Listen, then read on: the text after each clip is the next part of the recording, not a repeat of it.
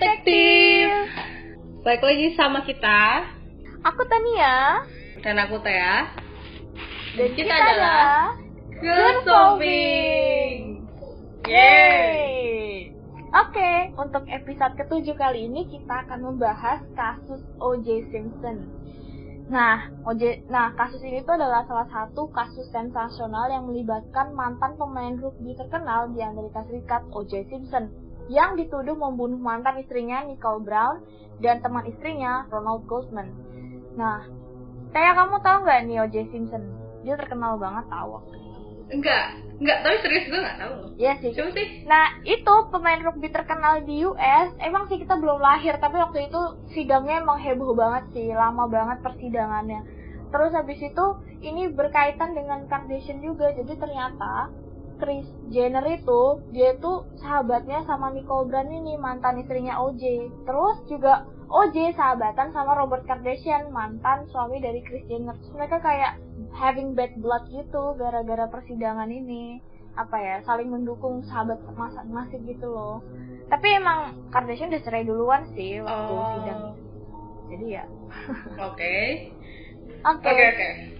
Terus? terus habis itu lanjut nah O.J. Simpson ini pertama menikah dengan Nicole pada tahun 1985 dan pada Oktober 15 lim- dan pada 15 Oktober tahun 1992 Nicole mengajukan perceraian dengan alasan kekerasan dalam rumah tangga dan akhirnya Nicole pindah ke kediamannya yang masih berdekatan dengan rumah O.J. Simpson. Nah, untuk mendalami kasus ini lebih lanjut, kita lihat ke official timeline dari persidangan kasus ini.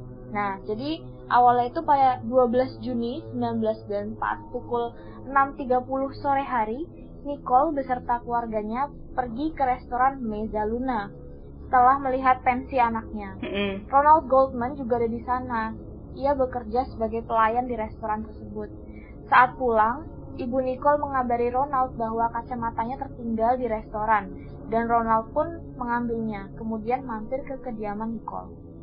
Pada pukul 10.41 sampai 10.45, Brian Kato sedang bertamu di rumah O.J. Simpson di Rockingham Mansion yang hanya beberapa mil dari kediaman Nicole mendengar suara dentuman di dinding sebelah dan pergi keluar untuk menginvestigasi. Nah, pada pukul 10.50 sampai 10.55, tetangga Nicole diributkan dengan anjing Nicole yang tidak berhenti menggonggong. Pada pukul 11.01, supir limusin O.J. Simpson yang sudah menunggu dari pukul 10.25 melihat sebuah bayangan besar masuk ke dalam pekarangan O.J. sekitar pukul 10.40 sampai 10.55 yang kemudian pada pukul 11 OJ keluar dari rumahnya mengatakan ke supirnya bahwa dia ketiduran dan baru saja mandi. 11.45 OJ terbang ke Chicago. Pada 13 Juni 1994, pukul 12.10 dini hari, ditemukan jasad Nicole dan Ronald di dekat gerbang pintu rumahnya dengan kondisi ditusuk sampai mati. Di TKP ditemukan beberapa barang bukti, yakni sarung tangan dengan bercak darah yang diduga dipakai oleh pelaku, topi rajut, dan jejak kaki berdarah. Pada pukul 4.30, polisi menelpon serta mengunjungi rumah OJ di Rockingham Mansion untuk menginformasikan bahwa Nicole telah meninggal. Saat ditelepon oleh detektif Ron Phillips, reaksi pertama OJ adalah, siapa yang membunuhnya? Kemudian, polisi yang berkunjung ke rumahnya tersebut terkejut mendapatkan pasangan dari sarung tangan berdarah. Wow. Jadi eh, tersangkanya tuh si OJ ini kan berarti. Iya, tersangkanya si OJ ini. Dan lucunya tuh, masa kamu ditelepon ya? Misalnya istrimu meninggal nih, terus kamu ditelepon, eh Pak, mohon maaf, mantan istri Bapak telah meninggal. Oh, siapa yang bunuh? Kan kita nggak tahu meninggalnya kenapa. Kok dia bisa tiba-tiba bilang siapa yang bunuh? 10.55 bayangan masuk ke pekarangan OJ kemudian jam 11 OJ keluar rumah karena dia ketiduran Mm, Dia mau Mm-mm, katanya dia ketiduran. terus 11 mat- tapi ya memang anu sih fishy ya nggak sih terus terus Mm. Maksudnya ada gap waktu yang bagus gitu. Iya. Nah, terus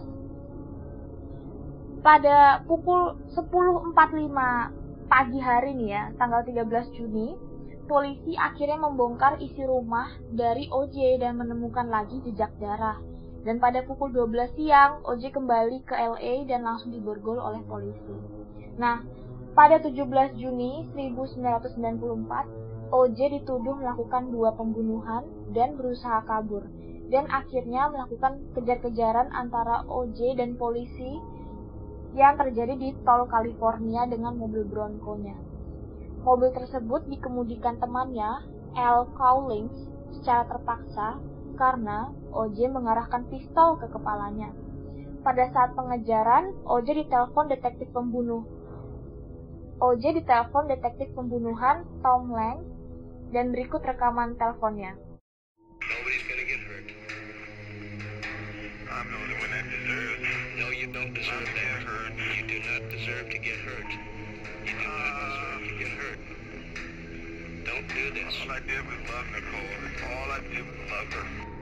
Nah, setelah 60 mil pengejaran, akhirnya berakhir di, di kediaman OJ di Brentwood dan di dalam mobil polisi menemukan kumis palsu, paspor, paspor OJ ini dan pistol.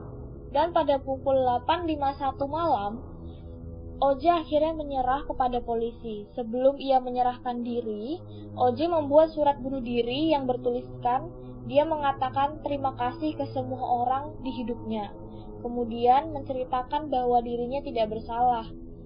Ia menuliskan dengan tanda kutip, pertama, aku ingin semua orang tahu aku tidak ada sangkut pautnya dengan pembunuhan Nicole. Aku menyayanginya. Selalu. Jika kita punya masalah, itu karena aku terlalu menyayanginya. Pada kasus ini, OJ dinyatakan tidak bersalah. Dan di sini kita akan membahas mengapa OJ bersalah dan tidak bersalah. Jadi, teori OJ bersalah dimulai dari timeline pembunuhan. Anjing Nicole mulai menggonggong pada pukul 10.15 malam yang banyak orang berspekulasi itu adalah saat pembunuhan terjadi. Sehingga, jika benar, maka OJ memiliki banyak waktu untuk kembali ke rumahnya, membersihkan diri dan menemui supirnya pada pukul 11 Rumah Nicole dan OJ pun hanya membutuhkan waktu sekitar 6 menit. Dan pada barang bukti, sarung tangan yang ditemukan di TKP saat dianalisis terkandung DNA Nicole, Ronald, serta OJ. Dan sarung tangan ini pun persis dengan sarung tangan yang ditemukan di rumah OJ. OJ pun memiliki luka di jarinya setelah pembunuhan terjadi. Topi yang ditemukan di TKP pun memiliki rambut OJ. Di rumah OJ, pun ditemukan kaos kaki yang berdarah yang mengandung DNA Nicole serta jejak kaki berdarah di driveway rumah OJ. Sepatu tersebut cocok dengan ukuran sepatu OJ dan sepatu yang diduga dipakai saat pembunuhan terjadi merupakan sepatu limited edition yang OJ miliki. OJ sempat membantah ia memiliki sepatu tersebut, tetapi foto paparazzi dari salah satu pertandingan rugby memperlihatkan OJ memakai sepatu tersebut. OJ pun dikatakan membeli pisau sileto yang cocok dengan senjata yang dipakai pelaku. Namun, antara pisau dan sepatu tak dapat ditemukan oleh polisi. Kayak menghilang gitu aja loh, nggak tahu ke mana. Nah, pada tahun 2006, OJ menulis buku dengan judul If I Did It berisi dengan hipotesa pembunuhan dan sempat dibatalkan karena kemarahan publik, tetapi akhirnya dipublis dengan syarat keuntungan buku diberikan kepada keluarga Ronald. Itu sih uh, bukti-bukti kalau misalnya OJ itu bersalah. Oh. Iya, tapi maksudnya daripada surat dia uh, menyatakan dia nggak membunuh Niko, itu lebih banyak fakta dia membunuhnya gitu loh, banyak evidence-nya. Iya, maksudnya kayak bener-bener ada bukti di rumahnya si OJ ini ketangkep kayak sarung tangan sebelahnya lagi yang ditemuin di TKP, terus kayak ada DNA dia juga di situ.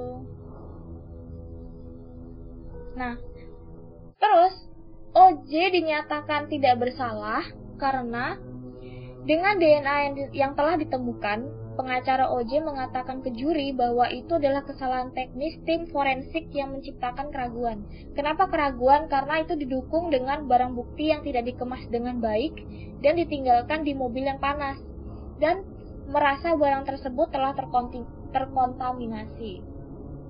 Pengacara pun menyuruh OJ memakai sarung tangannya dan ternyata kekecilan di tangan OJ.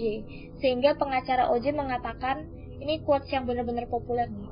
If it doesn't fit, you must acquit. Dan perlu diketahui, tim prosekutor tidak meminta OJ untuk memakai sarung tangannya karena sudah di, sudah dibekukan dan dipanaskan berkali-kali untuk metode pengawetan. Banyak orang mempercayai faktor ras yang mendukung OJ bebas karena pada tahun 1992, kerusuhan ras terjadi karena polisi yang memukul seorang kulit hitam bernama Rodney King, dan polisi yang memukul Rodney ini dibebaskan tanpa syarat. Nah, pengacara OJ juga memakai penegakan hukum rasisme. Nah, mereka tuh menggunakan video di mana OJ diborgol tiba-tiba setelah kembali dari Chicago. Terus, argumen terbesar dari persidangan ini adalah saat detektif Mark Furman mengatakan kata-kata penghinaan ras lebih dari 40 kali dalam satu rekaman. Ini menjadi permasalahan karena detektif Mark menjadi orang pertama yang memasuki rumah OJ di Rockingham dengan cara melompati pagar rumah OJ. Dari testimoni, detektif Mark sendiri mengatakan bahwa dirinya lah yang menemukan barang bukti di rumah OJ. Sehingga pengacara OJ mengatakan bahwa detektif Mark lah yang menaruh barang buktinya di sana dan menuduh OJ sebagai pelakunya. Loh, emang kayak gitu. Si Mark ini kulit hitam kok. Maksudnya hubungannya dengan Bukan, dia kulit putih. Hubungannya sama rasisme tuh gimana? Jadi kan uh, tahun 1992 tuh ada kayak masalah yang kayak Black Lives Matter tuh loh. Ada kulit hitam yang dipukul padahal dia nggak salah sama polisi. Terus polisinya tuh nggak diadili gitu. Nah, pengacara si OJ ini uh, kayak membuat skrip kalau OJ itu juga karena bentuk rasisme yang terjadi di US gitu karena detektif Mark Furman ini uh, ternyata adalah seorang yang rasis gitu loh karena dia tuh di video itu kayak ngucapin hal-hal penghinaan terhadap kulit hitam sebanyak 40 kali dalam satu rekaman gitu. Nah, terus habis itu kayak wah dia emang orangnya rasis oh. dan dia pun adalah orang yang pertama masuk rumahnya OJ terus nemuin kayak barang bukti di rumahnya OJ itu dia gitu loh. Jadi uh, pengacara bilang siapa tahu aja ditaruh situ sama detektifnya kita kan nggak tahu kan dia orang yang pertama kayak gitu loh si si si, si O.J. Simpsonnya ini uh, orang hitam iya O.J. Simpson ini orang kulit hitam ah uh, oke okay. terus nah wakil jaksa wilayah Christopher Darden mengatakan saat persidangan dengan tanda kutip it will do one thing it will upset the black jurors it will say, Whose side are you on? The men or the brothers? Nah, juri dari persidangan ini pun terdiri dari delapan ras kulit hitam, satu ras Hispanik, satu ras kulit putih, dan dua ras campuran. Mungkin, uh, nah gara-gara kayak uh, akhirnya persidangan ini dibuat kayak persidangan uh, rasisme gitu loh diubah jadi persidangan rasisme gitu sama pengacaranya OJ dan pas banget jurinya tuh kebanyakan orang kulit hitam gitu dan akhirnya hasil dari persidangan ini adalah OJ dinyatakan tidak bersalah dan harus membayar 3 33,5 juta dolar untuk keluarga korban yang dibayar yang ternyata juga tidak dibayarkan oleh OJ gitu. Jadi dia juga nggak bayar dendanya gitu tapi kok kayak jadi pengalihan isu gitu sih iya tapi nah sebenarnya yang pinter di sini tuh pengacaranya OJ gitu loh padahal OJ udah kelihatan buat bersalah dengan barang bukti yang ketemu terus ada DNA yang ditemukan di barang bukti tersebut kan terus pengacaranya itu buat kayak oh enggak uh, kita kayak dia punya cara biar kayak keluar dari masalah itu loh kayak di dialihin isunya ya pinter sih apa ya kayak emang pengacaranya dia sih yang pinter Ah, oke. Okay. Terus terus. Nah, selain OJ, ada juga dua tersangka lainnya, yakni yang pertama adalah Glenn Rogers, seorang serial killer. Menurut saudara Glenn, sesaat sebelum Glenn meninggal, ia mengatakan bahwa ia adalah pelaku dari pembunuhan Nicole dan Ronald. Tetapi jika benar, OJ masih tetap bersalah karena Glenn juga mengatakan bahwa OJ yang memintanya untuk mencuri anting Nicole dan menyuruh dan menyuruhnya untuk membunuh Nicole jika ia ketahuan. Tetapi menurut catatan Glenn, Glenn sedang dipenjara. Tapi menurut catatan, Glenn sedang dipenjara saat hari pembunuhan tersebut terjadi. Nah, tersangka berikutnya adalah Jason Simpson, anak OJ. Teori ini dinyatakan oleh private investigator Bill Deer. Ia mengatakan sebelum hari pembunuhan, Jason menyerang mantan bosnya dengan pisau dan juga Jason pernah melakukan penyerangan ke mantan kekasihnya Jennifer Green dan juga pernah hampir mematahkan punggung mantan yang lain bernama Didi. Dia kayak itu banget. Ah, Si Jason ini ngikutin bapaknya. bapaknya tuh KDRT ya. Tapi terus anaknya tuh kayak nggak oh ibuku sering disakiti nggak dia malah kayak oh aku ikutin bapakku emang like father like son Tapi kalau menurut ya ya bisa sih banyak case juga yang anaknya menganiaya ibunya tapi aku nggak ngerti deh. Kayaknya menurutku bukan si Jason. Nah iya. Tapi ini juga Jason juga didiagnosis memiliki intermittent rage disorder atau gangguan amarah. Dan di waktu pembunuhan terjadi Jason berhenti melakukan pengobatan. Dan ia pun sempat mengatakan ke dokternya bahwa ia ingin marah. Alibi Jason adalah ia sedang bekerja di sebuah restoran pada malam itu. Ini memiliki keanehan karena di kartu absensinya pada waktu itu ditulis menggunakan tangan, bukan dengan mesin cetak. Yang mesin absensi cetak tuh loh, saya tahu kan yang yang jam itu yang oh yang dijegrek gitu kan ah, ya, ya, yang itu. Nah, padahal pada hari itu mesin itu tidak rusak gitu. Jadi investigator mengatakan bahwa OJ di TKP hanya untuk melindungi anaknya. Tetapi orang-orang menyatakan kasus ini tidak memiliki bukti langsung. Iya sih, maksudnya nggak ada bukti langsung kalau misalnya si Jason tuh ada di TKP gitu. Nah, menurut CNN dari survei orang yang mempercayai OJ pelakunya, itu naik dari 66% di tahun 1994 menjadi 83% orang yang percaya di tahun 2014 kalau OJ yang membunuh Nicole kayak gitu. hmm. Nah, eh bentar, bentar. pembebasan OJ, iya kenapa? Itu berarti 2014 tuh kasusnya masih berlangsung berarti sampai saat ini tuh belum selesai Udah selesai, cuman OJ-nya bebas gitu loh. Dia tuh di- terbuktikan bukan pembunuhnya Nicole sama Ronald dan banyak orang yang kayak nggak percaya. Kok bisa sih kok eh, orang-orang tuh ngatain kalau jurinya tuh nggak profesional gitu loh. Jurinya tuh malah ngebahas sesuatu hal yang gak yang apa ya, yang berlainan gitu loh. Ini kan kasus pembunuhan, kenapa masuknya jadi kasus rasisme kayak gitu. hmm, oke terus Nah, dan akhirnya pembebasan OJ pun diduga karena bantuan dari media besar di Amerika Serikat yang berusaha untuk meliput persidangan ini. Ternyata si OJ ini juga berteman dengan banyak orang yang ada di media besar gitu loh. Nah, terus media ter- media besar tersebut kemudian membuat skandal yang terkait peristiwa itu adalah Time. Jadi eh, media Time itu membuat skandal pada 27 27 Juni 1994 Time membuat cover story berjudul An American Tragedy. Cover cover foto ini menjadi perdebatan karena Time ketahuan memanipulasi foto ini dengan tujuan untuk membuat Simpson lebih murung dan muram. Majalah ini kemudian membuat permohonan maaf secara resmi karena dugaan editorial yang rasis dan mengadopsi jurnalisme kuning. tapi memang kesannya jadi kayak orang-orang eh, maksudnya bukan orang-orang ya si Simpson ini tuh punya backup banyak gitu loh kesannya. Maksudnya kalau misalnya itu emang misalnya ya si detektif yang rasis ini tuh nanem barang bukti di rumahnya OJ. Tapi kok bisa ada darahnya? Maksudnya DNA-nya tuh darah loh yang di sarung tangan tuh. Kok bisa si detektifnya tuh punya darahnya OJ gitu loh? tapi kan mungkin karena dia punya duit juga jadi kayak bayar bayar sana bayar sini gitu kan Nah, itu yang bikin kesel tuh.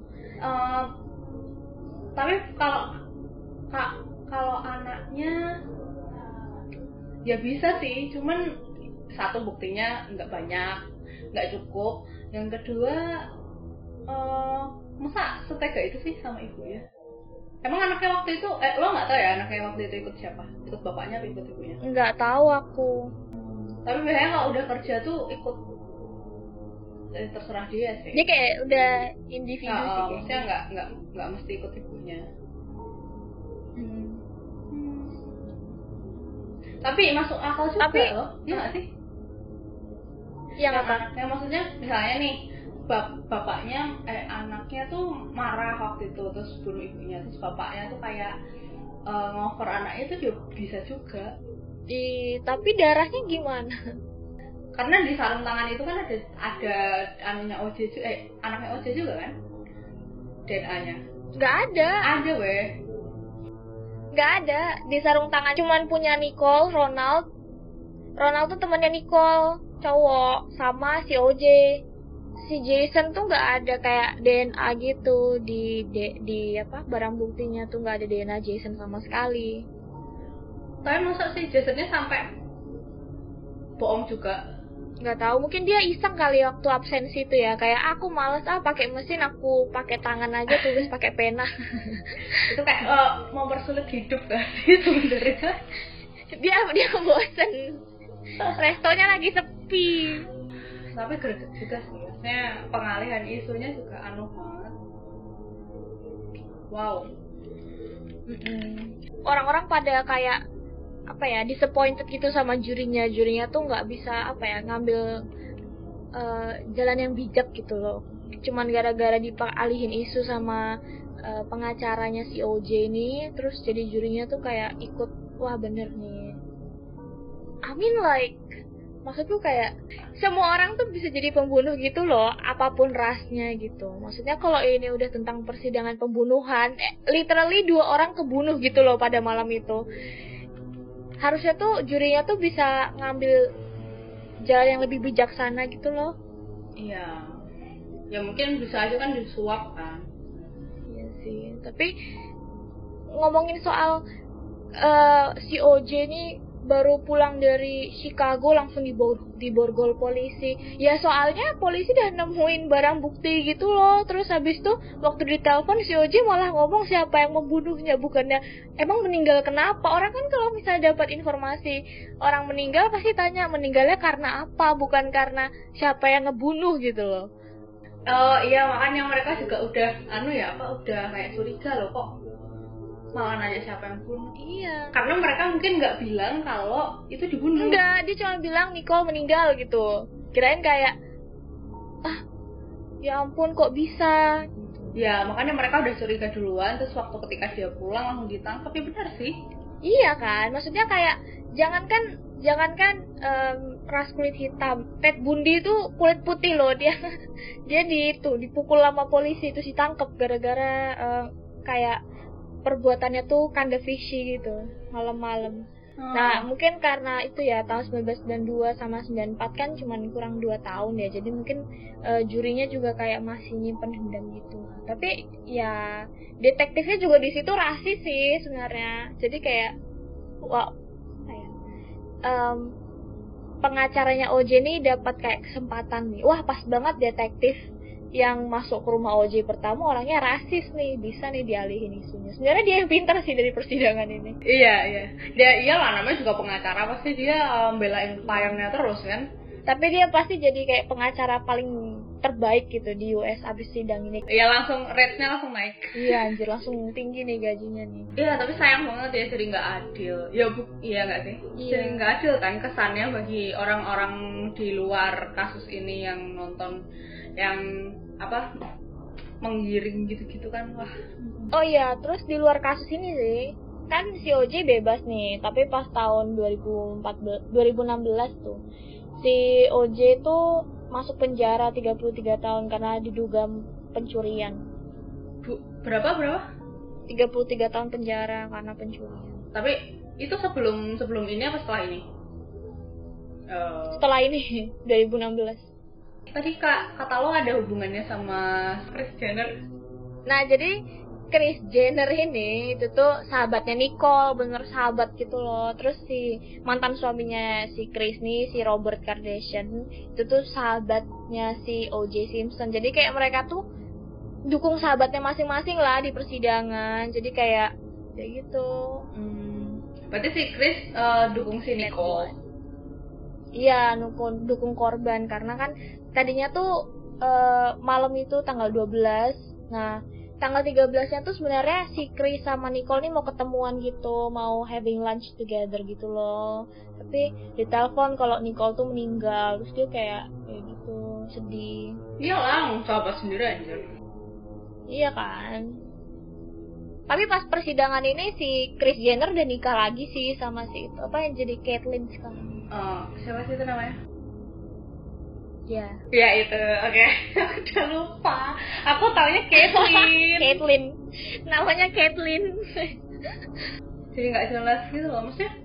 Nah, terus berarti siapa pembunuhnya orang nggak dijelasin, maksudnya nggak nggak clear itu siapa?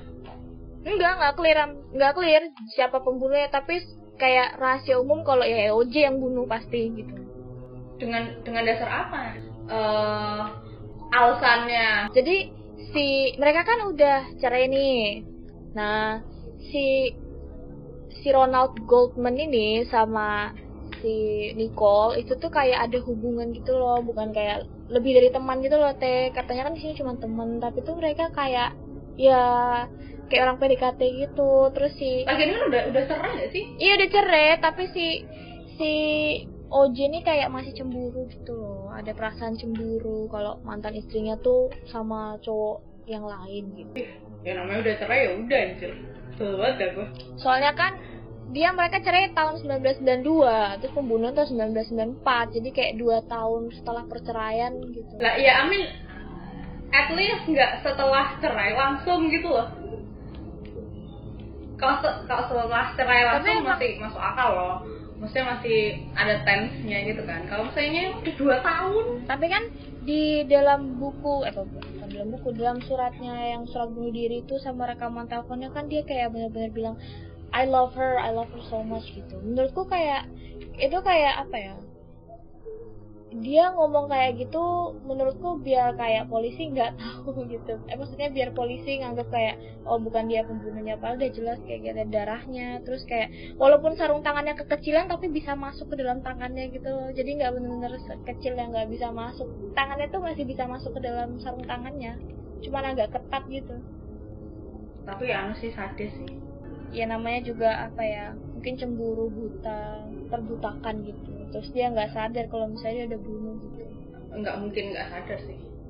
Maksudnya apa ya dibutakan oleh emosi gitu. Terus pas udah nggak emosi dia kayak kok aku bunuh sih? gitu. Makanya kan ada dentuman di dinding waktu si Kato tuh temen apa ya temennya yang waktu bertamu di rumah OJ itu kan dengar suara dentuman di dinding sebelah waktu di rumah OJ yang di di mansion itu loh. Rockwood.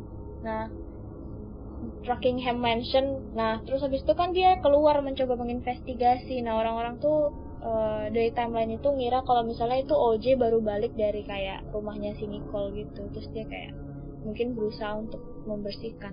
Tapi mungkin waktu mukul tuh kayak wah anjir mati mati ya. Aduh. Lagi anjir ini aku di pitch lagi nih.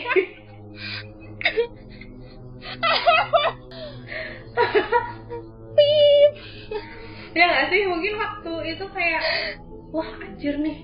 Kok sampai sampai apa udah mungkin udah balik kan udah sadar. Terus dia kayak wah, wah anjir nih. Kok udah nggak ada anunya gitu kan. Terus jadi itu deh. Mm. kan dia mikir lagi habisnya aku harus ngapain ya biar nggak salah.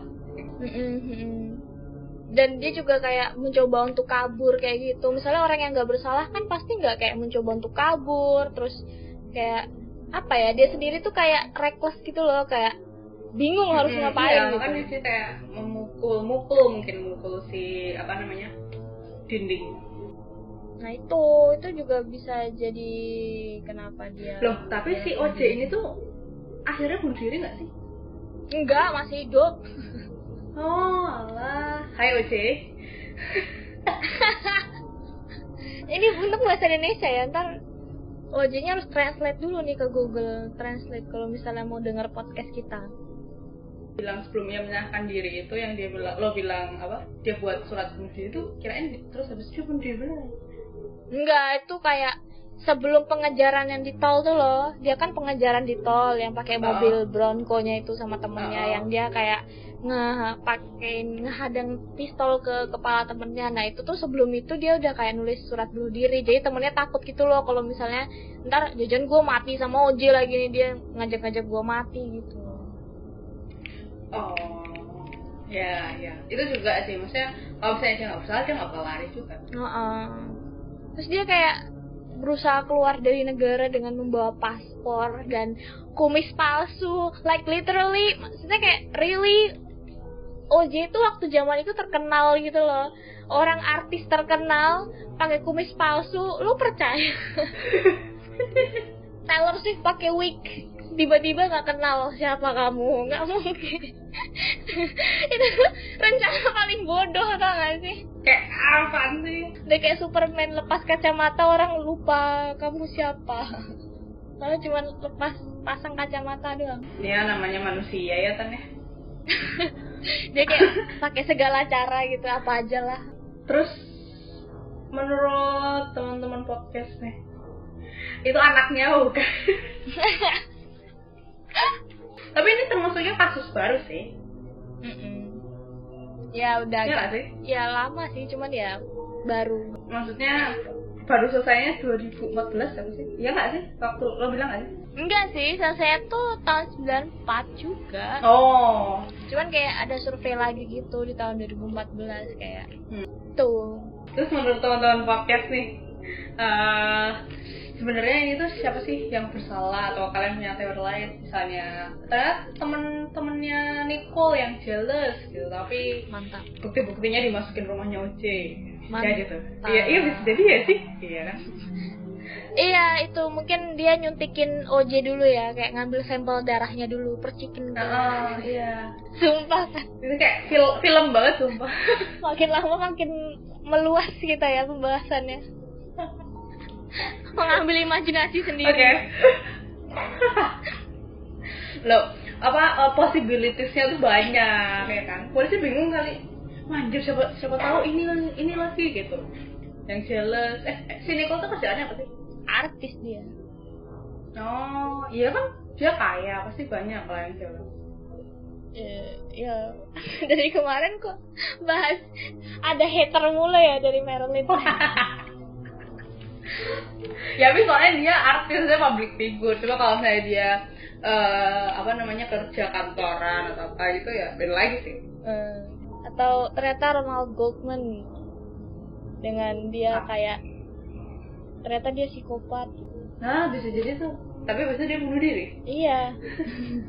kita nggak tahu. kita nggak tahu isi hatinya dia kayak pengen kayak Romeo and Juliet gitu kan. Terus si OJ itu datang ke rumah Nicole kayak aku ingin mendapatkan mantan istriku kembali gitu. Terus dia menemukan scene di mana Ronald mau membunuh Nicole. Tolong aku. Akhirnya mereka berdua mati. Lagian kalau misalnya ditemuin kayak gitu bukannya lebih banyak bukti tentang si Ronaldnya ya Ya kan emang ada bukti darahnya Ronald bercecer ya. tapi kan eh, iya sih tapi maksudnya kan nggak nyampe di oh enggak dong tan bukan si Ronald dong orang eh, sepatunya yang apa ada Oh, jejaknya itu rumah Oce Nah iya itu apa si OJ ini kayak sedih gitu loh belum bisa menyelamatkan Nicole dan akhirnya dia membunuh Ronald karena telah menyakiti Nicole. hmm. Ah ya Allah imajinasiku wild banget maaf Ya. guys. Makanya guys ini adalah salah satu bukti salah satu contoh bahwa kalau membunuh orang jangan pakai sepatu limited edition guys gampang di track. iya pakainya yang yang biasa-biasa aja Pakainya pakainya yang pasaran kalau bisa yang semua orang punya guys. ya, yang di internet banyak itu ya sih apa di internet banyak Gitu. iya kan banyak, banyak sepatu yang murah-murah nah itu oh, pasti iya. pasti banyak yang pakai kan lah pakai itu aja eh kok kita jadi kayak trigger gitu trigger warning banget Ke mana ya sepatunya ya? Limited edition loh itu sayang dihilangin, dibakar Nah, kalau- pasti. iya iya, kalau dijual laku keras ya. Dijual ditangkap berdarah. dia. Wah ini dilaporin polisi langsung tau gak sih? tapi kan dapat duit. Iya yang yang yang orang yang itu ya orang yang dapat sepatunya dapat duit ya. Ya kok dapat duit? Kok misalnya ikhlasin ya kamu telah berbuat baik terima kasih. Negara berterima kasih gitu doang gimana? Ya kalau misalnya misalnya nih itu punya ojek kan ojek jual. Saking takutnya nih terus habis itu kan pasti ke orangnya. Orang yang kena nggak sih? Ya ya nggak orangnya lah yang lapor ke polisi. Lah lo di sana lo ya. Lo dapet. Ya siapa tahu udah dibersihin duluan. Iya. Iya sih tapi kan ada ada itunya ada recordnya berarti. Kalau misalnya kan ini sidangnya sidang yang sangat super sensasional di semua TV disiarkan. Masa tukang jual sepatu nggak tahu kalau dia tersangka pembunuhan? Ya tahu. Mungkin sebelumnya udah nggak ya enggak sih itu cuma sehari deh ya uh, jaraknya. Mm -mm. Hmm, ya menurut kalian siapa sih yang bersalah di sini? Iya mantap. Mantap.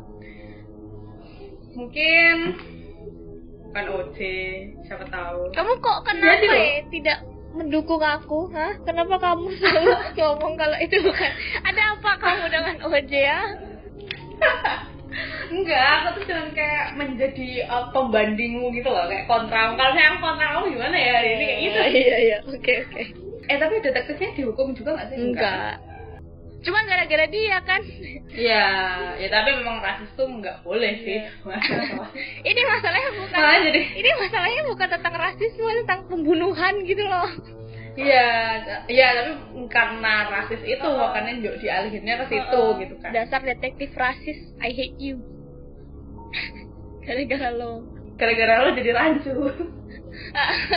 gara-gara lo jurinya jadi rancu tapi em, menurut orang di US sih itu tuh ini tuh kayak rahasia umum orang-orang meyakin kalau misalnya OJ yang bunuh gitu. Kan menurut dari survei CNN tahun 2014 ada sur ada yang survei lagi kalau OJ pelakunya bukan. Terus 83% orang di US percaya kalau OJ itu emang pelakunya gitu.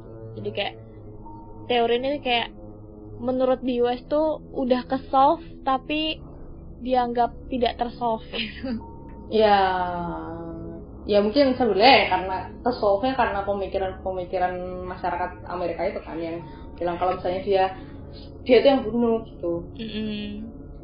Tapi ya ya karena eh, apa? Buktinya nyata sih soalnya.